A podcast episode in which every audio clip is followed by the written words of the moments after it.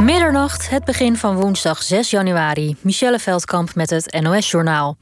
Het kabinet kan door met het vaccinatieplan. Premier Rutte en minister De Jonge van Volksgezondheid kregen scherpe kritiek van met name oppositiepartijen.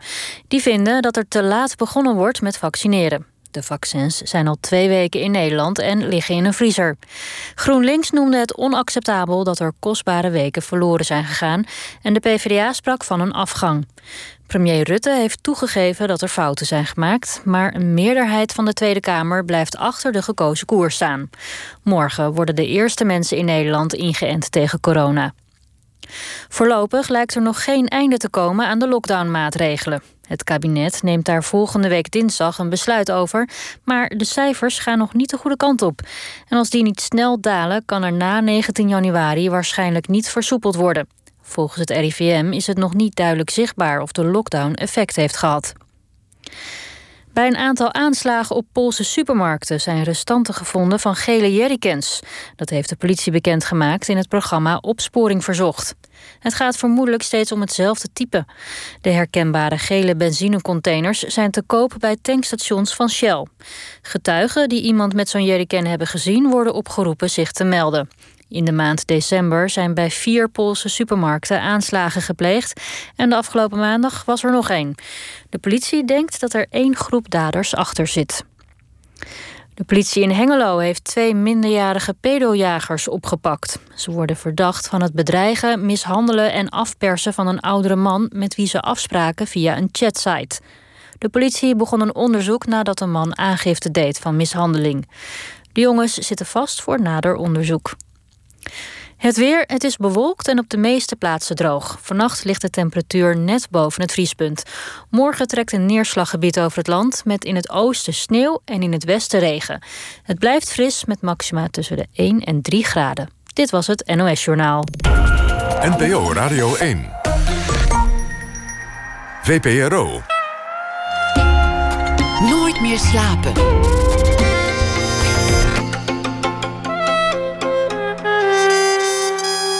Met Pieter van der Wielen. Goedenacht en welkom bij Nooit meer slapen. Charlie Chung is hier te gast komend uur en een mooie allitererende naam is dat toch. Hij is toneelregisseur uit Den Haag, nazaat uit een Chinees-Italiaanse horecafamilie. En de laatste jaren rees zijn ster dankzij voorstellingen die hij maakt. Op de parade was hij te zien en recentelijk maakt hij werk voor de Oostpol, maar ook op heel veel andere plekken. Voorstellingen die vaak gaan over de liefde. Momenteel is hij druk aan het repeteren bij eh, Oostpol voor een voorstelling geïnspireerd op werk van Oscar Wilde, De Profundis. Want ooit, we mogen niet wanhopen, zullen zelfs de theaters weer open gaan. Charlie Chung werd geboren in 1995. 95, ja. Welkom. Dank je, Pieter. Leuk dat je er bent. Hoe, hoe, hoe is dat eigenlijk nu om, om te repeteren? Want jullie première staat geloof ik voor 20 januari. Ja. En dat je, dat je eigenlijk gewoon weet van ja, we repeteren een beetje tegen de klippen op. Want de kans dat 20 januari, of misschien breng ik een soort slecht nieuwsgesprek, dat het allemaal doorgaat, is gewoon niet zo ontzettend groot. We zitten opgesloten in een zwarte box nu. We zijn nu de voorstelling aan het monteren. Dus dat is dan de, de, alle disciplines samen aan het brengen. En uh, uh, eigenlijk de voorstelling afmaken. En dat doe je in het theater. Dus die repetitieruimtes zijn eigenlijk altijd, zijn altijd al in een soort zwarte box. Maar het theater is nog afgeslotener van de wereld. Dus het lukt ons om het slechte nieuws van meneer Rutte vandaag. Dat hij uh, niet hoopvol gestemd is over het uitstellen van. Uh, oh, niet hoopvol is gestemd over dat hij uh, lockdown-regels gaat versoepelen. Het lukt ons goed om dat te negeren. Al moet ik wel zeggen dat vandaag iemand aan het eind van de dag zei. Ehm, gaan we wel in première? En dat was voor het eerst eigenlijk dat iemand het durfde te noemen. Het is moeilijk, want je bent een voorstelling aan het afmaken. Dus je wil gewoon alle focus hebben op dat je het publiek mag gaan verwelkomen op 20 januari. Alleen ik ben ook een beetje bang dat het later gaat worden. Het is ook een mooie betovering. Leven in een soort ontkenning met z'n allen. Het is natuurlijk ook realistisch, want stel, ja, weet jij veel, dat, dat die première er komt en je hebt niet geoefend, dan, dan sta je daar met knikkende het knieën. Het kan, hè? Het kan. Theoretisch is er een kans, maar, maar het, is, het is natuurlijk ook wel een mooie ontkenning om, om, ja, om wat eigenlijk? Om elkaar er doorheen te helpen. Wat zijn jullie eigenlijk gaan doen? Um, ik weet niet of. Ik, we zijn het nu echt aan, We zijn het nu puur aan het ontkennen omdat we gewoon heel graag willen. Eigenlijk waren we al deze week in première gegaan. Dus die première is al uitgesteld. En die première bleef uitstellen. Ik kwam maandag het theater in na de vakantie. En dan hoorde ik ook iemand op kantoor iets zeggen over uitzenden. zei ik, nee, we gaan die voorstelling deze week afmaken. Laat mij mijn voorstelling afmaken. Ehm, en dat is ook mooi, want als het theater straks weer open gaan... zijn wij, hebben een show klaarstaan. En als mensen weer zin hebben om naar het theater te komen, wat ik hoop. Dus ook al is het half november of, of uh, maart uh, 2040 of, of weet ik veel wanneer, je wil gewoon klaar zijn. Wij zijn klaar. Dat is, dus de eerste dag dat de theaters weer open mogen, staan wij klaar met een groot cadeau voor het publiek. En dan hoop ik ook dat ze allemaal direct komen om ons uh, cadeau te zien. Het zou zo jammer zijn als de theaters straks open gaan, dat er geen kunst is. Dat we niks hebben om te laten zien.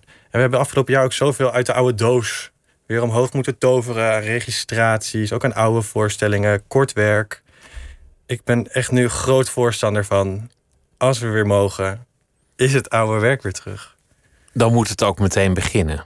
als de restaurants weer open mogen, zijn er dan nog wel restaurants. Als de theaters open mogen, laten we zorgen dat, dat we klaarstaan.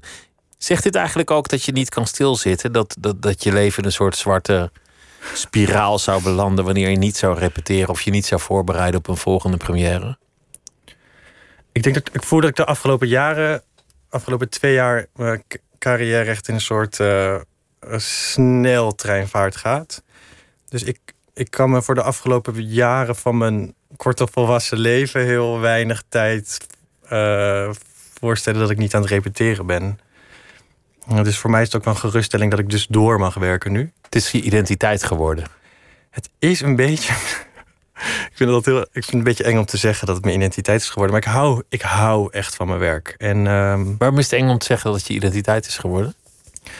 Omdat ik soms heel erg jaloers ben, of soms heel, mezelf heel erg toewens om ook een uh, parallel leven aan het theater te hebben. Een echt leven. Een echt leven. Uh, we leven ook in deze wereld waarin we dingen creëren um, tijdelijke dingen creëren. En dan je komt soms buiten en dan denk je, ah, wat ga ik nu doen? En dan beslis ik vaak weer te gaan werken. En um, ja, nee. nee dus wat vind je in dat werk wat je, wat, je, wat je daarbuiten dan niet vindt? De liefde. De liefde vind je in het theater? Ja, dus ik, ik, ik, ik denk, ik creëer liefdes in het theater, omdat ik daarbuiten uh, geen liefde heb. Dus ik denk de meeste van mijn voorstellingen van mijn eerdere werk wat ik heb gemaakt waren ook dan was ik in het theater mezelf was ik lief ben ik relaties aan het creëren. Hmm. Het zijn vaak liefdesverhalen in, in alle verschijningsvormen. Het, het, is wel een rode draad door mijn werk, ja. Dat kan je wel, kan je wel stellen. Niet een klein beetje ook.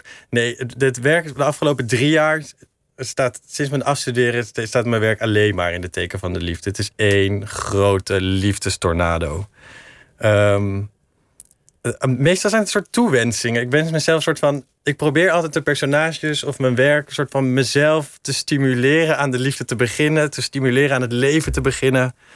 Uh, ook te activeren misschien is wat te gaan doen in dat leven op liefdesgebied. Dus theater is een soort uitstel, een soort dromen van hoe het zou kunnen zijn wanneer je erin zou duiken buiten het theater. Wow. Ja.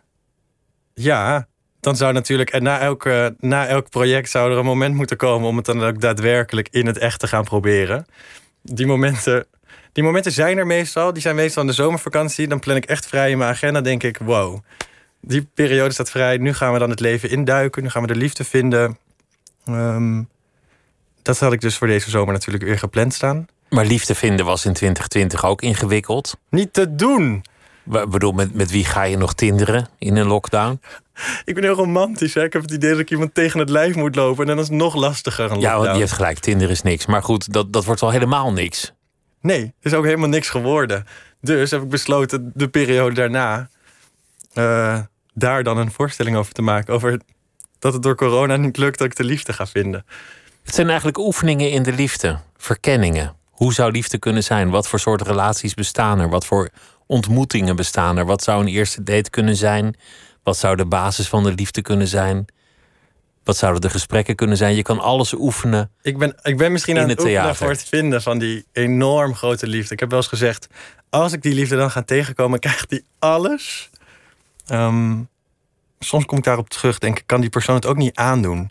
Deze vreemde regisseur, die voorstelling na voorstelling na voorstelling de liefde aan het onderzoeken is. En dan die persoon tegen gaat komen en al zijn lessen in één keer gaat uitproberen. Ik weet niet of iemand daar dan uh, niet heel hard van weg gaat rennen. Maar dat moeten we ook ervaren. Ik kan niet in de toekomst kijken. Dat was de voorstelling die ik. Uh, twee parades terug, want vorig jaar was er geen, maar de, de parade daarvoor die er wel was. Van jullie zag dat jullie allemaal hele beroemde klassieke filmscènes over de liefde over alle aspecten van een relatie hadden, hadden verbeeld naar het theater. Van Brokeback Mountain tot Titanic, je noemt ze maar. Call Me By Your Name. Call Me By Your Name. En dan mocht het publiek mocht kiezen waar heb je zin in. Een, een, een break-up of een eerste ontmoeting. Ja. Het, het, was echt, het was echt ontzettend goed gedaan. Het was een ontzettend leuke voorstelling. Maar het liet ook zien dat, dat ja, de liefde... Het kan alle kanten op. Alles, alles is mogelijk eigenlijk. En misschien is, ja... ik, ik vind de liefde moeilijk te vinden. Mm. Ik hoop eigenlijk vaak dat ik de liefde vind bij na het applaus. Dus ik reis ook veel mee met mijn voorstellingen. Dan denk ik, ah, dat publiek wat dan nu in de heeft gezeten... heeft hetzelfde ervaren als wat, ik, wat de voorstelling mij heeft proberen te vertellen. Dat heeft me dan mijn publiek ook proberen te vertellen. Dus het perfecte moment voor mij om de liefde te vinden... is dan met iemand uit het publiek na mijn voorstelling. Tijdens een staande ovatie ontmoeten de blikken elkaar. Wauw. Dit wordt kazig, jongens. Waar ben je nu eigenlijk als je niet aan het werk bent? Want je, want je bent ineens, volgens mij mede door COVID, of, of ik vergis me, terug verhuisd naar je geboortestad. Ja, dus ik woon normaal gesproken in Amsterdam. Theaters zijn natuurlijk nu gesloten. Ik vind Amsterdam, ik ervaar Amsterdam nu als een soort leegstaand pretpark. En ik vind pretparken heel erg leuk als ze open zijn en uh, iedereen in de attracties mag. Maar als alle attracties dicht zijn, ik voelde me erg alleen. Laten we daar uh, op neerkomen. In het begin van de lockdown waren we echt, echt heel erg voorzichtig. We waren ook bang. We, kenden het virus nog niet. Ik zat alleen in Amsterdam in mijn kamer en ik dacht, wegwezen hier. Ik, heb een, uh, ik kom uit een horecafamilie in Den Haag. En de horeca mag achter met dichte deuren, zonder mensen te ontvangen, natuurlijk gewoon open. dus ik dacht, ah, zij kunnen mijn hulp gebruiken. Kan ik een beetje gaan helpen in de horeca? Misschien kan ik dingen bezorgen, kan ik dingen langsbrengen. Oh, je bedoelt voor de afhaalmaaltijden? Voor de afhaalmaaltijden. ik denk, ik ga helpen. Laat ik mezelf nuttig maken. En, uh, en voor de bedrijvigheid, mensen om me heen. Ik, ik heb ik, uh, tekort aan prikkels, uh, voel ik me. Ik kan niet. ik heb prikkels nodig. Ik ben, ik, heb iemand die, ik ben iemand die veel prikkels nodig heeft. Maar je komt uit een horecafamilie en je ging het theater in. De theaters liggen al nou ja, geruime tijd op, op apengapen. De horeca ligt al geruime tijd op apengapen. In beide sectoren staat bij vele mensen het water tot voorbij de lippen. Er is nog net één neusgat dat misschien er bovenuit komt om in die beeldspraak te blijven. Hoe is dan de sfeer als je daar nu bent met je familie? Er wordt heel hard gewerkt. Iedereen is er alles aan het doen om, uh, om die zaak, zaken open te houden. En, uh, om te overleven. Om te overleven. En uh, ik denk, ik heb een gedeelte van mijn werklust, die is niet ontstaan uit mezelf. Die heb ik gewoon van mijn moeder geërfd. Want zo was het thuis, altijd werken. Hard werken. Dus het is, ik kom met een Chinese familie. Mijn moeder is, de Chine, eh, mijn moeder is in de, met de horeca in aanraking gekomen door de Chinese familie. En, uh, en een heel hard werkende Chinese familie. Um, dus er wordt heel, heel, heel hard gewerkt met om ook alle manieren, eh, creatieve manieren worden bedacht om uh, op een andere manier mensen toch nog de, thuis hun de beste dineravond van hun leven te geven. En dat lukt. Het is allemaal minder, het is allemaal kut.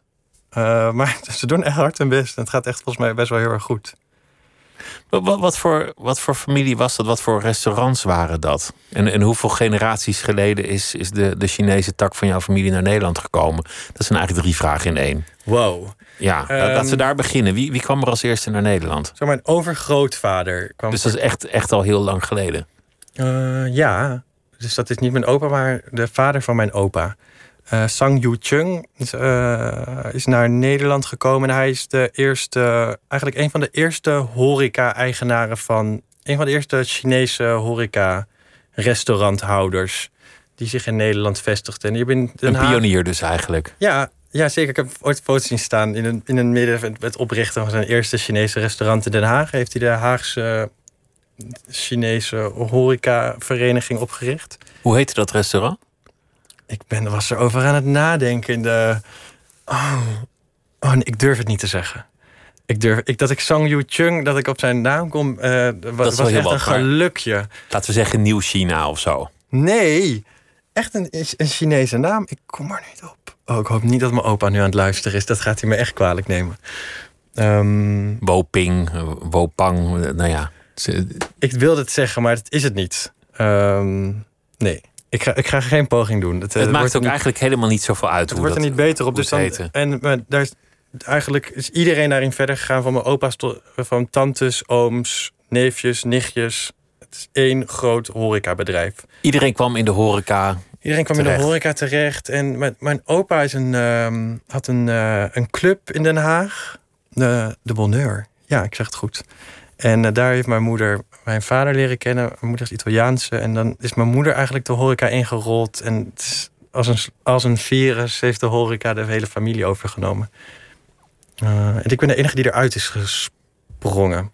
Maar wat voor restaurant hadden je ouders dan? Een uh, Frans georiënteerd restaurant. Ik zeg Frans georiënteerd omdat mijn vader kookt Frans, maar uh, is van Chinese afkomst. Dus ik vind fusion een lelijk woord. Misschien is het fusion, maar het is Franser dan fusion. Invloeden uit de wereld. Um, uh, een Frans restaurant en mijn, uh, en, mijn... De wereldkeuken is eigenlijk nog erger dan fusion, hè? Als, als term. Ja, de wereldrestaurant. Maar daarom ja. kan je beter zeggen Frans georiënteerd. Ja, dat zijn het, is ja. dat, is de basis.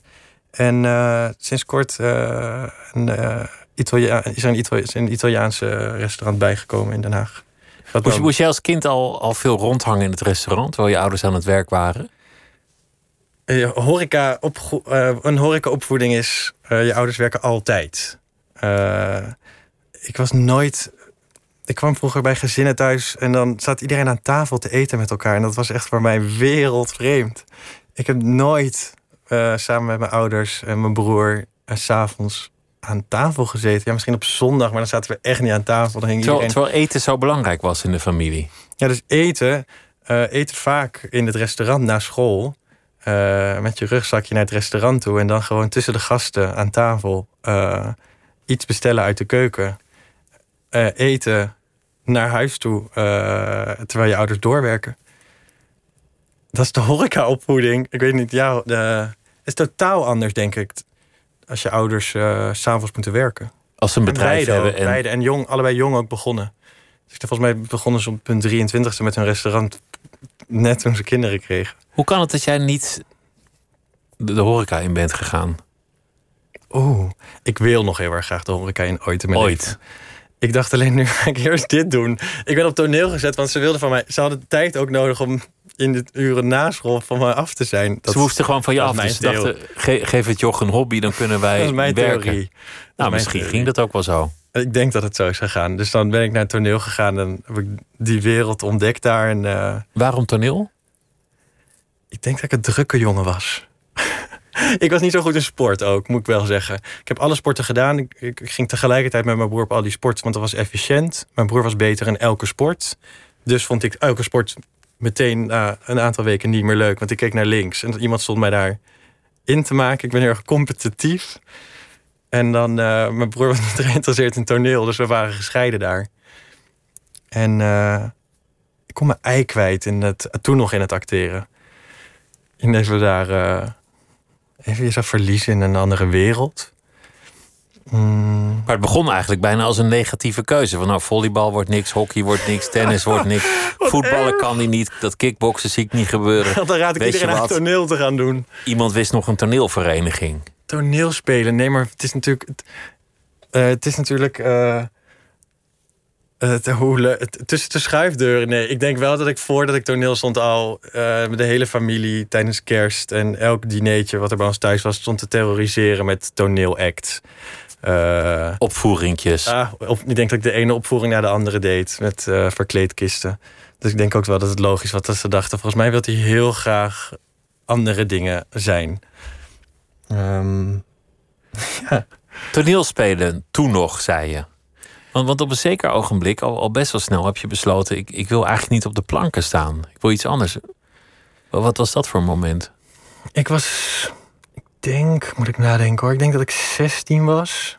15 misschien. Ik, ik, ik vind het heel lastig om achter te komen welke jaren mijn homoseksuele gevoelens uh, uh, voor mezelf uh, kenbaarder werden. Maar daar had het mee te maken. Ja, want het is zo kwetsbaar in dat licht staan. En er kijken heel veel mensen van de zijkant naar je. Ik, ik ben dat nu de hele dag aan het doen. En ik, ik denk dat nog steeds de hele dag. Wat is dat kwetsbaar om daar te staan? En je, je bent letterlijk je hart aan het doorspitten en je hersens. En uh, uh, ik denk dat uit de kast komen of het ontdekken van je seksualiteit is iets wat je in de puberteit is zo um, uh, privé. Dat moet je in je kamertje thuis ontdekken. En ik had heel erg het gevoel dat elke keer als er een lamp aanging, of elke keer als er mensen aan de zijkant naar me zaten te kijken, um, ik dat proces voor hun moest doen of stond te doen. Je had het idee dat ze dwars door je heen keken. Dwars door me heen. En ik dacht, ik weet niet of ik dit met jullie wil uitzoeken. Ik denk dat ik dit even ergens anders moet gaan uitzoeken.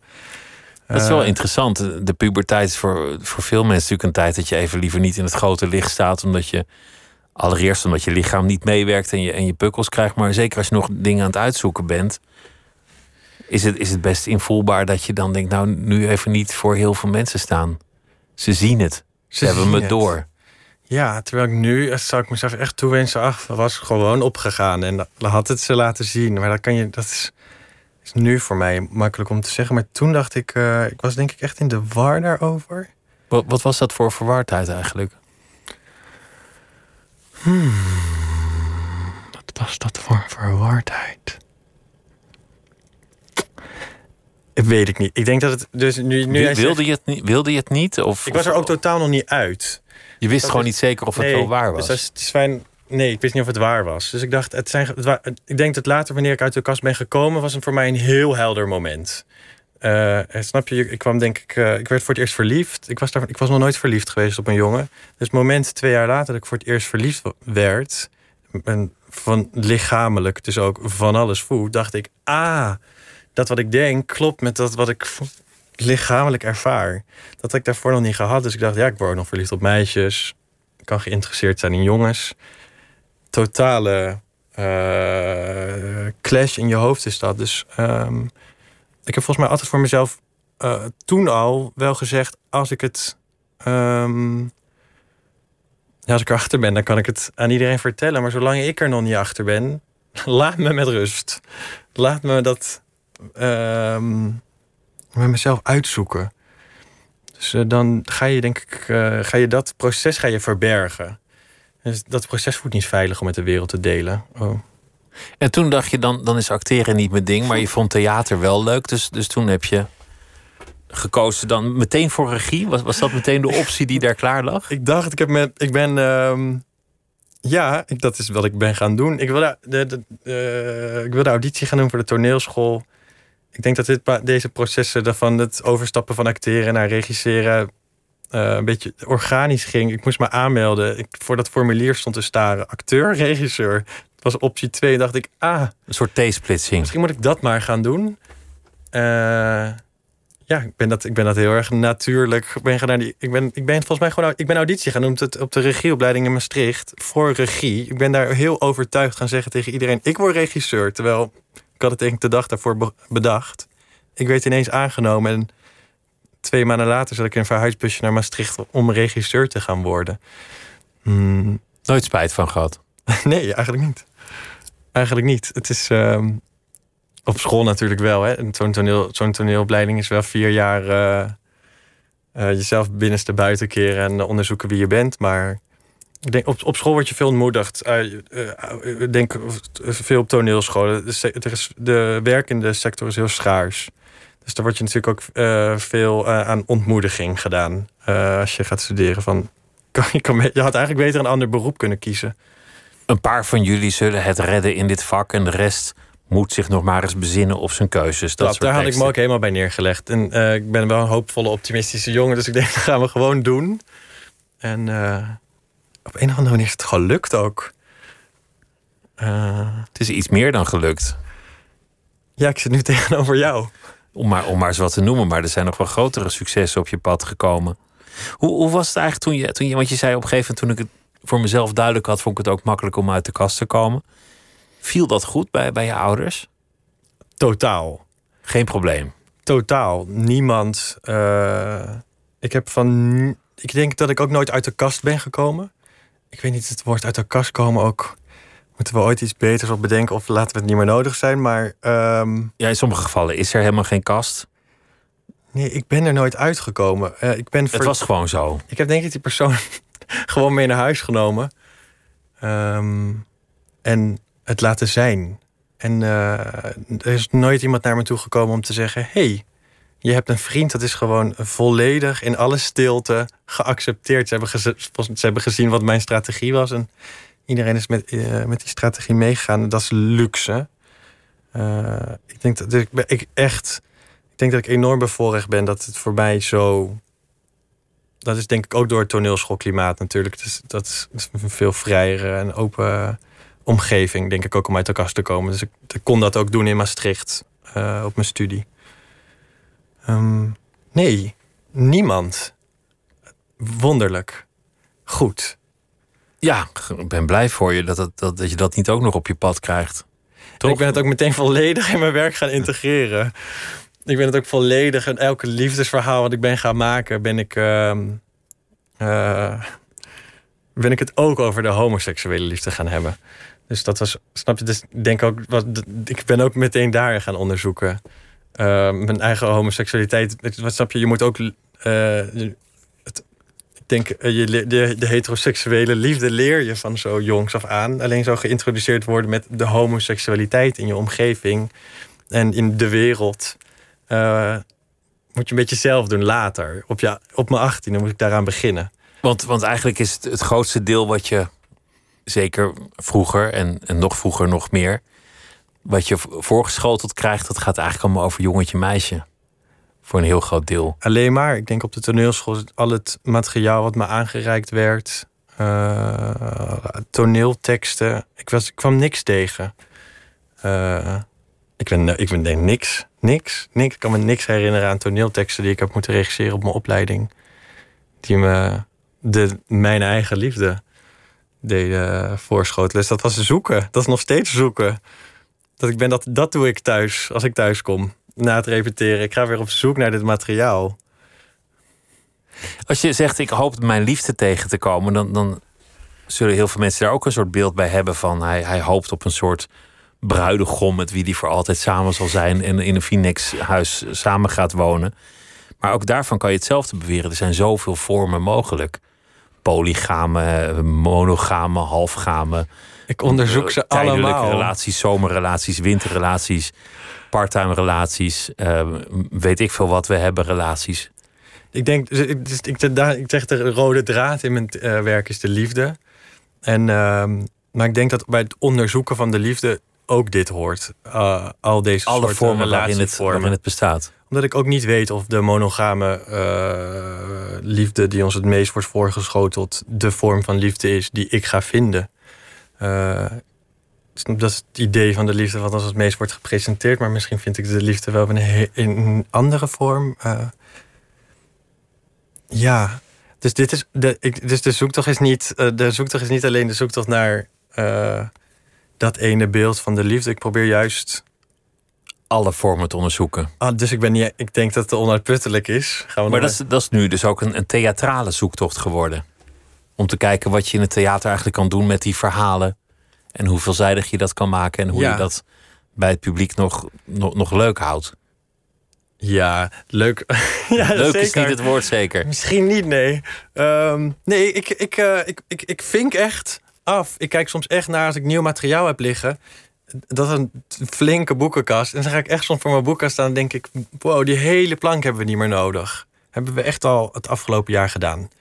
Het wordt echt... Dan, dan is, dat is echt de harde zoektocht, denk ik. Wat, wat is dan een nieuw liefdesverhaal wat we kunnen vertellen? Welk verhaal hebben we nog niet verteld? Dan moet ik zeggen natuurlijk het verhaal wat we nu gaan vertellen... of aan het, aan het, aan het creëren zijn. Van Oscar Wilde. Van Oscar.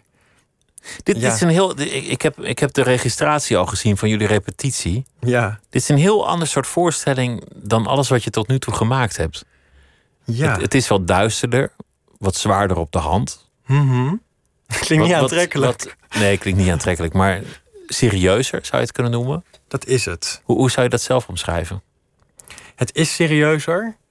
Mm, misschien is de weg wa- hoe, de- hoe ik bij het materiaal gekomen ben belangrijk. Want ik, ik zei net dat de meeste voorstellingen dus een soort stimulering of een soort- soort uitnodiging aan mezelf ook zijn en aan mijn publiek. Om te geloven in een bepaalde vorm van liefde of om me daartoe aan te zetten. Eh, en ik zie dit.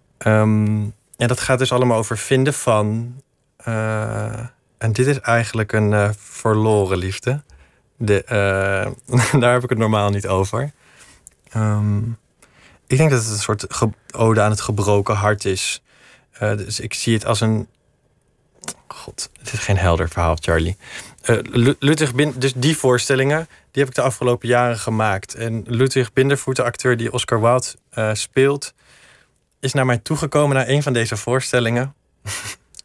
Over deze blije jongen die zin had in de liefde op het toneel. En die zei: Charlie, jouw werk moet de diepte in.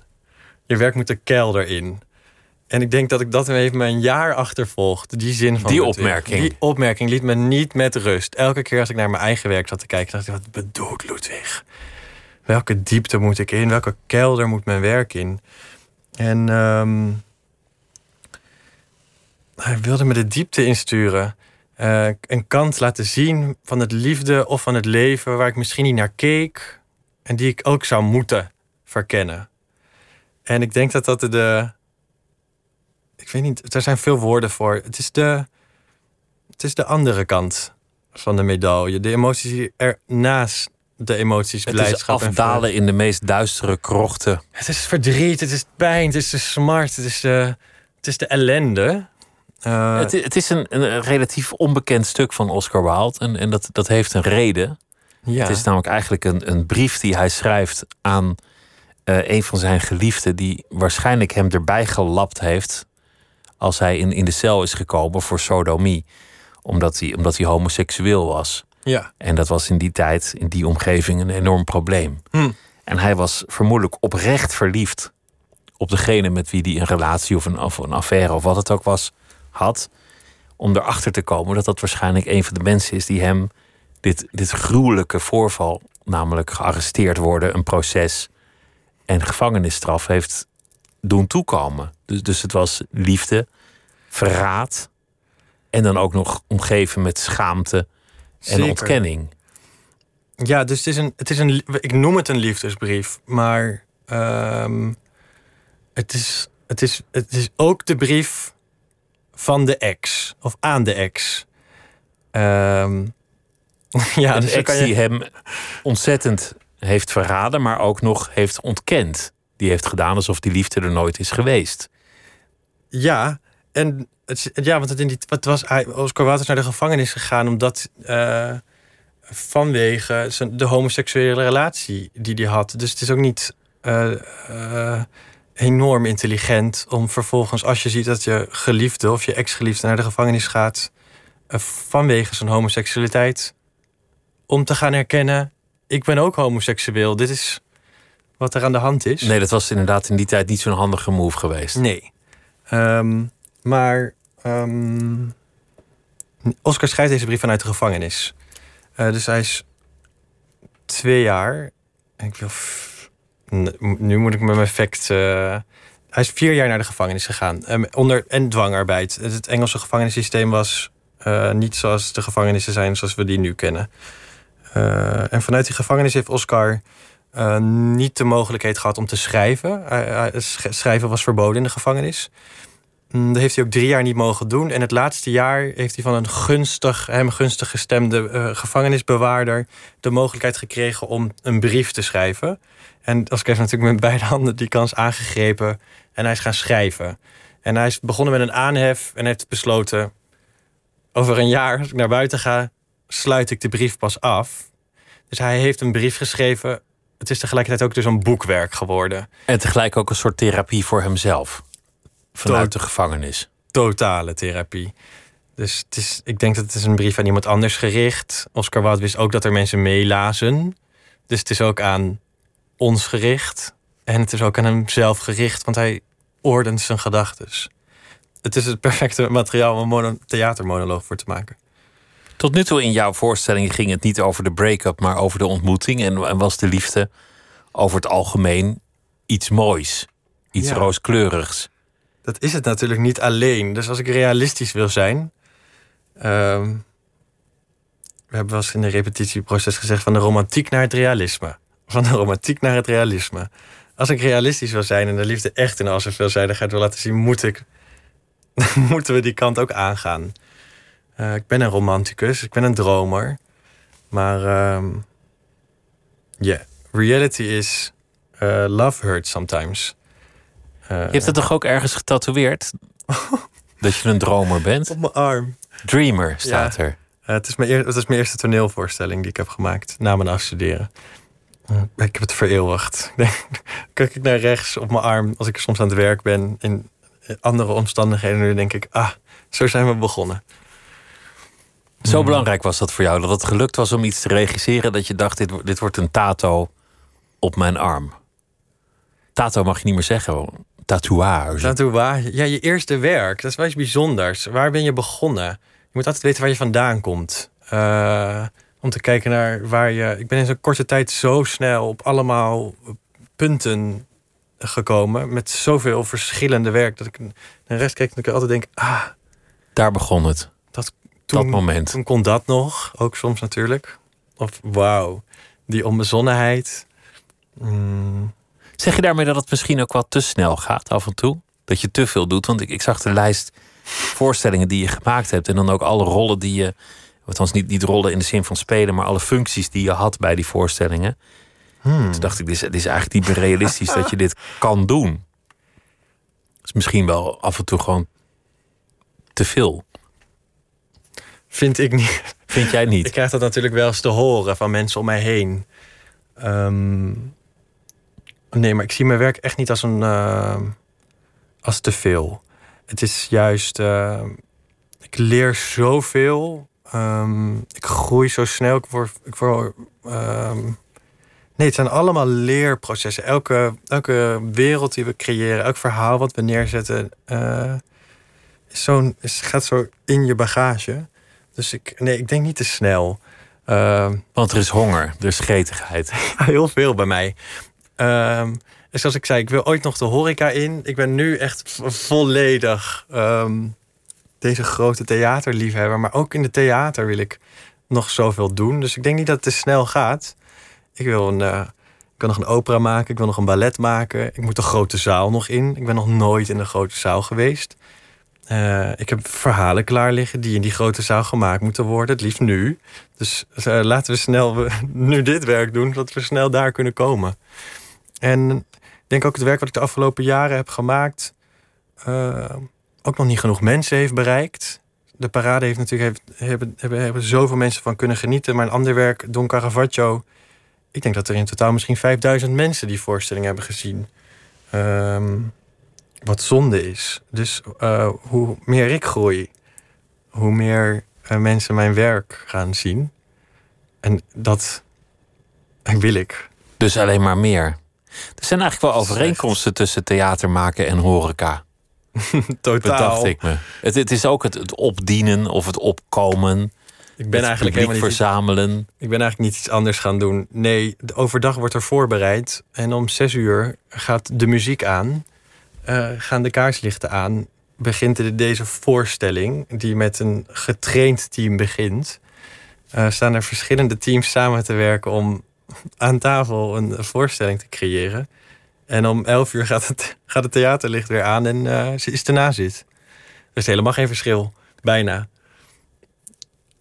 Ik had er nooit eerder over nagedacht. En hopen op applaus. Wat natuurlijk elke chef uiteindelijk ook doet. op verschrikkelijke website als Eens of Yelp. Of eh, is het dan Waar mensen zeggen veel te kleine porties. zeuren? Vaak zeuren. De, de leukste vind ik trouwens, maar nu dwalen we helemaal af. Ik vond het eten heel erg vies en de porties waren veel te klein. Lees je dit voor? Nee, dat is echt, dat las ik laatst. Toen dacht ik, nou, dan moet je even bij jezelf onderzoeken of je het Ah, wel nee. echt zo vies vond. Ik zit in de. Dan dwalen we af. Ik, uh, ik, ik, zit in de, in de appgroepen van de restaurants en dan lees ik mee. En dan komen dit soort berichten vaak langs. En dan uh, lees ik mee en dan soms geef ik tips. Want we worden wel, je schrijft wel eens een reactie terug, maar uh, die probeer ik te regisseren, de reacties terug. Ook daar ben je de regisseur. Laten we, voor we gaan praten over film, want dat is eigenlijk een, een heel belangrijk iets in, jou, in jouw voorstellingen, maar ook in jouw bestaan.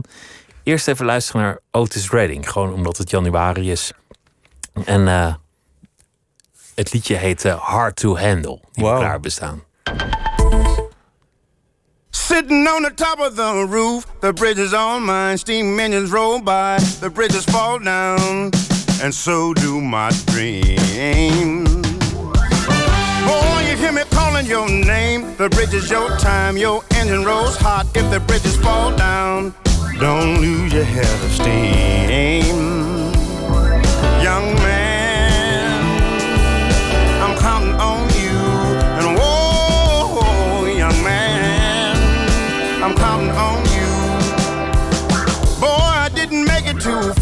But baby, you are the family star. I'll tighten your seams. Don't lose your head of dreams. Oh, you hear me calling your name. The bridge is your time. Your engine rolls hot if the bridges fall down. Don't lose your head of steam.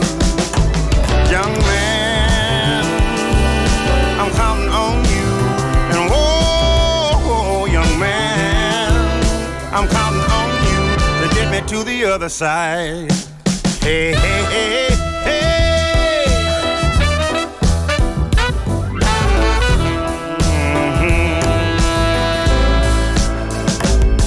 This foot pound pressure is new. Whatever you do is up to you. But do me this, do. Don't lose your head of dreams.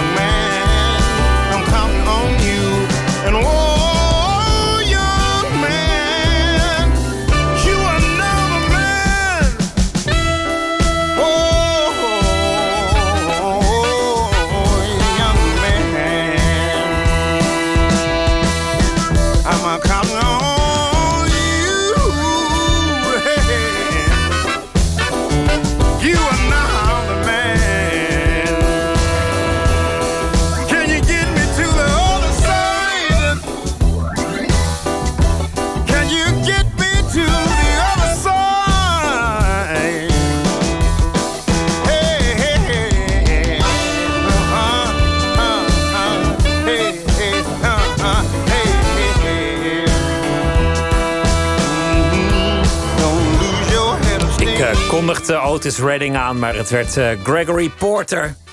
Heel slordig natuurlijk, maar uh, drukt het verkeerde dingetje in. Mm. En Gregory Porter is ook mooi, dus ik hoop dat het internet niet doorbrandt van uh, totale woede vanwege die verkeerde aankondiging. Nooit meer slapen in gesprek met Charlie Chung, die tegenover me zit. Hij is toneelregisseur, stamt uit een horecafamilie. Chinese-Italiaanse wortels heeft hij. Wist niet meer de naam van zijn overgrootvader in Den Haag. Een luisteraar dacht het wel te weten was toch Woping. Je had het goed. Ja, Woping is, is in Den Haag, Leiden, omstreken best wel een soort uh, instituut geworden in de loop der jaren. We waren erbij gebleven dat horeca en theater eigenlijk grote overeenkomsten hebben. En dat als je al je theaterambities hebt verwezenlijkt, dat je dan uiteindelijk iets wil doen in de horeca, een eigen restaurant. Wat, wat voor restaurant zou dat zijn eigenlijk? Nou, mijn broer heeft nu een eh, Italiaans restaurant in uh, Den Haag uh, ze Romeinse pizza's verkopen. Dus is anders dan die ronde pizza's. Dus in Rome hebben we vierkante pizza's. Dan wordt er gewoon met een schaar een stuk afgeknipt. kan je wat meer eh, varianten eten. hoef je niet zo één keer quattro formaggio te eten. Uh, dus ik, ik, eigenlijk lijkt me heel erg fijn om in Amsterdam Italiaans pizza-restaurant hebben. We begonnen ermee dat je, dat je in die familie opgroeide. En dat ze eigenlijk een activiteit voor je zochten. En dat je dus zo uiteindelijk bij toneel terecht bent gekomen. Aanvankelijk als acteur via een, een theatergroep. En toen je erachter kwam dat je iets uit te zoeken had met je eigen geaardheid. En dus niet graag in de kijker stond, werd het al gauw iets achter de schermen. En zo kwamen we te spreken over jouw theaterwerk. Wat voor een heel groot deel gaat over de liefde. Meestal de zonnige kant ervan, maar in ieder geval de veelzijdige kant. Hmm. En je zei toen, ja, dat is ook een deel mijn eigen zoektocht, mijn eigen verlangen naar liefde. Wat ik buiten het theater nog niet gevonden heb. Maar ik hoop dat die dag nog zal komen. Je gebruikt Nou. heel vaak thema's uit films. Veel van jouw voorstellingen zijn op films gebaseerd. Of, of je, je citeert films. Ja, Het lijkt, het lijkt alsof je ontzettend veel film hebt gekeken in je leven. Is, is dat ook zo? inmiddels, inmiddels heb ik heel erg veel films gekeken. Ehm, ik denk ook dat een gedeelte van het eh, hoeveelheid films kijken en hoeveelheid films in mijn werk gebruiken een soort mijn eigen culturele opvoeding was. Dus ik denk het als het opvoeden in de horeca. eh dat vindt mijn moeder niet fijn om te horen. Dit ik denk ook een beetje eh, kunst en cultuur heb gemist. En dat op de toneelacademie in Maastricht eigenlijk mijn grote, hoe noem je dat?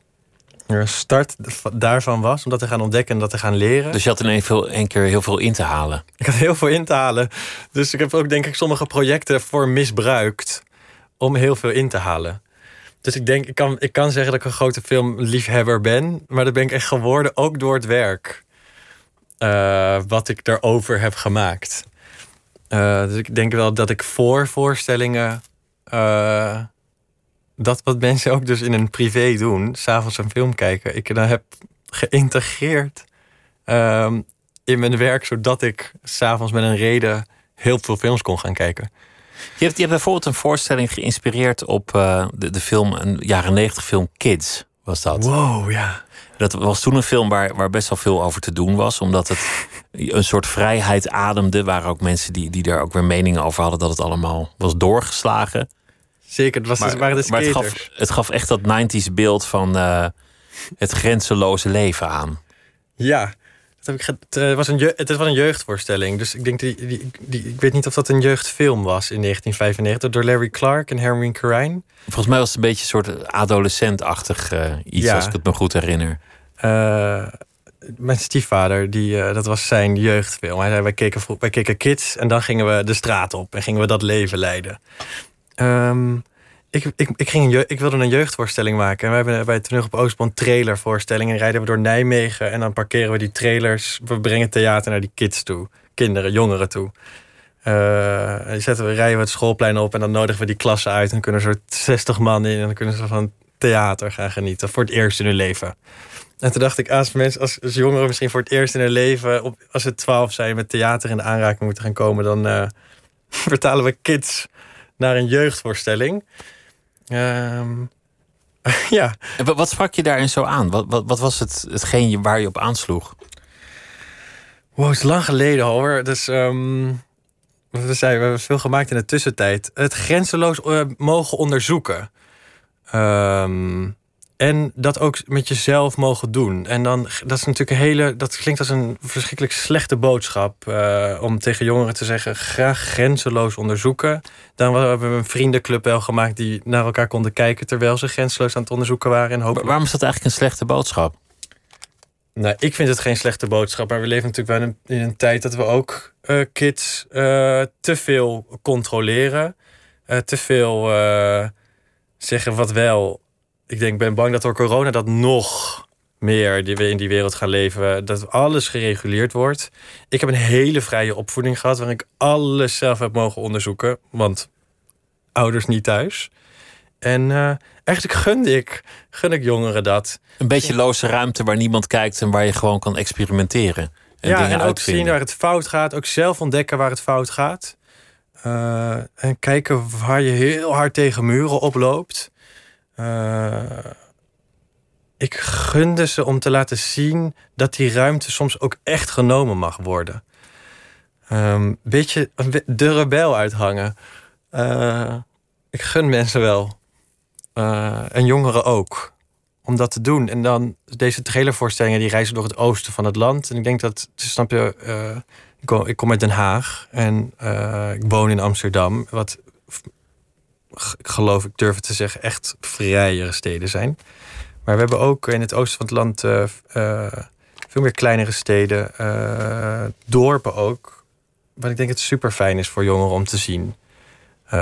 dat je ook los mag breken van uh, wat je. Ja, ik weet eigenlijk niet of dat waar is. Of, of, mensen in het oosten des lands minder vrijheid genieten. Ik denk, denk dat je juist in, in Zutphen of, of Apeldoorn die, die loze ruimte meer vindt dan in Amsterdam misschien wel. dat je in Amsterdam binnen drie minuten door een taxi wordt verpletterd en verpulverd. Of je oom en tante een straatverder tegenkomt. Um, oh ja, krijg je dat ook. weer. Maar wat je zei is eigenlijk wel een, een interessant betoog. Om, omdat alles wordt meer gereguleerd en gecontroleerd en eigenlijk minder flexibel. We kunnen, heb ik soms het idee, minder hebben. Bij, bij een zuchtje wind is het al code oranje. Kinderen staan de hele dag onder toezicht uit angst dat ze in zeven sloten tegelijk lopen. Waardoor die vrije ruimtes waarin je inderdaad een beetje gevaar kan lopen en een beetje kan aanlummelen, schaars worden. Ja, dus ik geloof wel dat, echt dat het nodig is. om die vrije ruimtes te blijven zien en te blijven, te blijven vertellen waar kan je ze ontdekken. Hmm, dat geloof ik ook, ja.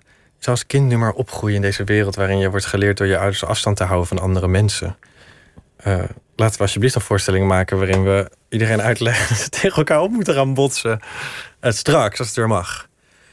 Hmm, niet nu, lijkt me nu heel erg onverstandig meneer Rutte dit hoort. Nou ja, die, die kinderen kunnen het nog, nog prima hebben trouwens. Dus volgens, volgens mij valt dat ook wel weer mee. Is, is theater voor jou eigenlijk ook zoiets? Een, een, een soort vrije zone waar je kan, kan experimenteren? Een ruimte van onderzoek? Ja. Lijkt het daarop? Ik voel, ja, ik, ik voel me daar heel vrij. Ik voel me daar heel vrij om te zeggen wat ik wil, te doen wat ik wil, uh, te creëren wat ik wil. Ik denk dat ik me daar ik denk echt dat ik me in de theaterruimte toch nog, nog vrijer voel dan ik me uh, buiten voel. Maar ik heb ook wel alle touwtjes en handen in het theater. Snap je? Ik, ben ook, ik zit ook aan de knoppen. Dus, uh, en ik ben weg op het moment dat ze komen kijken. Dus ik voel me ook heel erg veilig. Dat ik denk, maar ik ben er straks toch niet als jullie dit zien. Maar het, het is een beetje jouw universum dat je, dat je kan creëren. Jij kan doen waar, waar je zin in hebt. Ja, ja, ik ben een illusionist. Ik, je vroeg, als kind wil je toch illusionist worden? Uh, elk kind wil illusionist worden. Ik, ben, ik voel me de hele dag een illusionist. Of archeoloog. Of, ik, heb, ik denk of ik ben of, of ik wilde archeoloog worden of ik wil illusionist worden. Ik ben het allebei geworden. Uh, ik ben de hele dag aan toveren. En, uh, en, uh, en ik ben oude teksten van Oscar Wilde aan het opgraven. Op zoek naar betekenis voor, voor het heden. Je maakte ook een voorstelling over over die film, dat, dat, is ook alweer van een paar jaar geleden. Over een, een uh, groep kinderen in New York die van hun ouders niet buiten mochten komen. En daar, daar is toen later een film over gemaakt die best wel veel succes heeft gehad. En dat ging erover dat die kinderen opgroeiden gewoon geheel en al binnen. Wel met films en tijdschriften, maar ze mochten van die ouders nooit buiten gekomen. Ze waar gebeurd verhaal. Ja, het is een documentaire The Wolfpack. Um, en, bij jullie heette het... Uh, Wolven huilen niet alleen. Wolven huilen niet alleen, ja. Chris Peters, uh, acteur, die, uh, die, die, heeft deze fantastische... Die bedenkt de meeste titels, maar die heeft deze fantastische titel ook bedacht. Um, ja, wat wilde je erover vragen? Nou, wat, wat interessant was, was aan de, de, documentaire... was dat die kinderen toch een besef van goed en kwaad...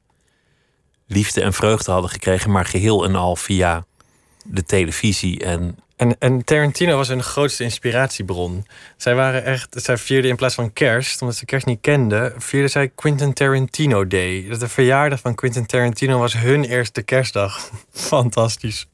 Echt in een volledig eigen universum opgegroeid. Zulke gewelddadige films. En er zijn zulke uh, zachte, liefdevolle, goedaardige jongens geworden. Dus misschien maken uh, ge geweldsfilms soms ook heel empathisch. Omdat we, dat je dat er toch in kan ontdekken. Niemand dat, dat we niemand willen dat dat geweld iemand wordt aangedaan als we er naar kijken. Want die, die ouders die hadden die kinderen gewoon in dat huis gezet met een stapel geweldfilms en nog wat dingen. En gezegd, jullie Denk- komen nooit buiten tot je achttiende. Ik denk dat ze niet één keer per jaar onder begeleiding naar buiten gingen. Eh, eh, en ik denk eh, honderden films. Ik denk dat ze 3000, 4000 films in hun leven hebben gekeken. Als, als, als, ook als middel om tegen de verveling te vechten. Maar, en deze werelden zijn gaan creëren. Reg- ook regisseurs en acteurs zijn geworden. om in een andere wereld te willen leven. Voor COVID was dat een schokkende film. Tegenwoordig groeien kinderen eigenlijk voornamelijk binnen op. Totaal. Of is dat heel cynisch om dat te vergelijken?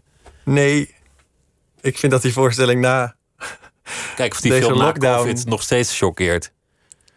Ja, ehm, eh, het, het is eigenlijk een heel goed idee om iedereen nu aan te gaan raden die, dit, dat, die film te gaan kijken. Want we zijn dat de afgelopen jaar met z'n allen zijn we een stukje van hun leven aan het leiden. Eh, totaal. Het leven binnenshuis. Laten we niet te somber worden, want, eh, want er is natuurlijk toch ook wel hoop dat het allemaal ooit en sneller dan je denkt versoepelt, toch? En iedereen, ik hoop, ik hoop dat het heel erg snel versoepelt. Ik hoop dat we, ik hoop dat we 20 januari gewoon in première gaan, eh, Pieter. Laten we niet. oh ja, eh, daar begonnen we. Ja, ik we help, niet- ik help je hopen. laten we hopen. En, en iedereen dan naar het theater. Het theater is echt... Ik moet dat zeggen, voordat, voordat, eh, voordat eh, deze lockdown kwam... had ik een andere voorstelling spelen. eh, Liefdesziek. Een theater zo veilig. Dus ik vind, ik vind het theater al een soort vaak deze steriele ruimte die je binnenstapt. Zeker voordat de lichten aangegaan zijn. Dat je echt denkt zo, wauw. Deze het soort... eh, ja, deze tempel... En nu nog, nog meer, met, met minder mensen. En oh, iedereen op afstand. Het is best wel lekker trouwens ook... om dus anderhalve meter van mensen naar een voorstelling te kijken. Lekker rustig. Ik doe dat altijd. Ik zit altijd in mijn eentje voor een voorstelling. Eh, Wat, wat, denk je dat er blijvend gaat veranderen als, als de wereld weer begint? Heb je het idee dat, dat het helemaal weer naar het oude gaat? Of dat het, toch, dat het toch allemaal zijn sporen na gaat laten? oh, wat erg om daarover na te denken. Ik hoop dat er niks... Dat het gewoon volledig teruggaat naar hoe het was. Ik denk, we zijn mensen, we zijn gewoontedier. Eh we houden van... We houden van ons leventje. eh, we houden van gewoontes. Dus ik denk dat zodra we weer allemaal ons leventje van vroeger mogen leiden... we Terugvallen in oude gewoonten. meteen Misschien is het nieuwe wel de gewoonte geworden. Ik zou wat meer eh, Zoom-meetings. Wel, ik weet dat iedereen against Zoom-meetings is, maar ik denk dat we dus ook iets gaan leren van. We hoeven niet meer voor alles af te spreken met een koffie in een, in een lunchroompje of in een koffietentje. Er zijn gewoon sommige afspraken die we online kunnen blijven doen. Is dat slecht? Nee, dat is prima. En niet meer zoenen op nieuwjaarsrecepties. Volgens mij ook een, een fantastische innovatie. Die kunnen we ook meteen doorvoeren. Het zijn wel een aantal dingen. Maar ik kan ook niet wachten. Ik zei dat toen we elkaar ontmoetten. Ik kan niet wachten tot we volgend jaar eh, naar Lowlands kunnen. Ik ben helemaal niet de grootste Lowlands fan. Ik ben echt niet het, het- degene die een kaartje. Ik ga het meestal bedenk ik een dag van tevoren. Daar zou ik wel heen willen. En ik, de laatste weken eh, denk ik ook. Ik zou zo graag naar Lowlands willen volgend jaar. Misschien lukt het wel. Beangstigende beelden natuurlijk als je die nu ziet. Je schrikt je, je, schrikt je dood. Je denkt, wat 30.000 man op Nou, een veld die in elkaar de staan, alfa. staan onder te spugen. Ja, Maar nee, ik ook wel, ook wel er zin in. ik heb er ook zin in. En allereerst hoop ik voor je dat de voorstelling zo snel mogelijk eh, door zal gaan. En wens ik je veel plezier in het repetitielokaal. Dank je. Dank dat je te gast wilde zijn, Charlie Chong. En eh, ik hoop dat het eh, snel gaat gebeuren bij Theater Oostpol. Dank Een stuk van Oscar Behaald, De Profundis.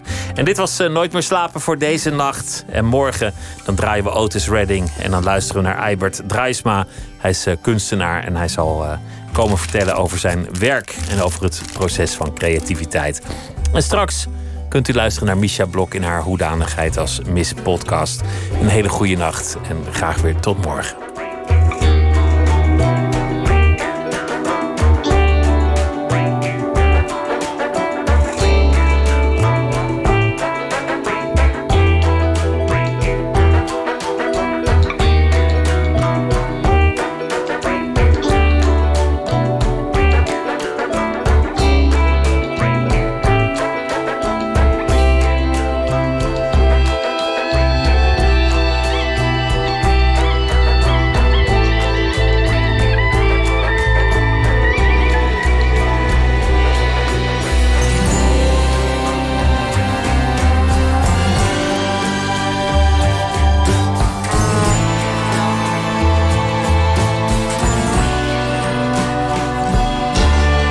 Radio 1. Het nieuws van alle kanten.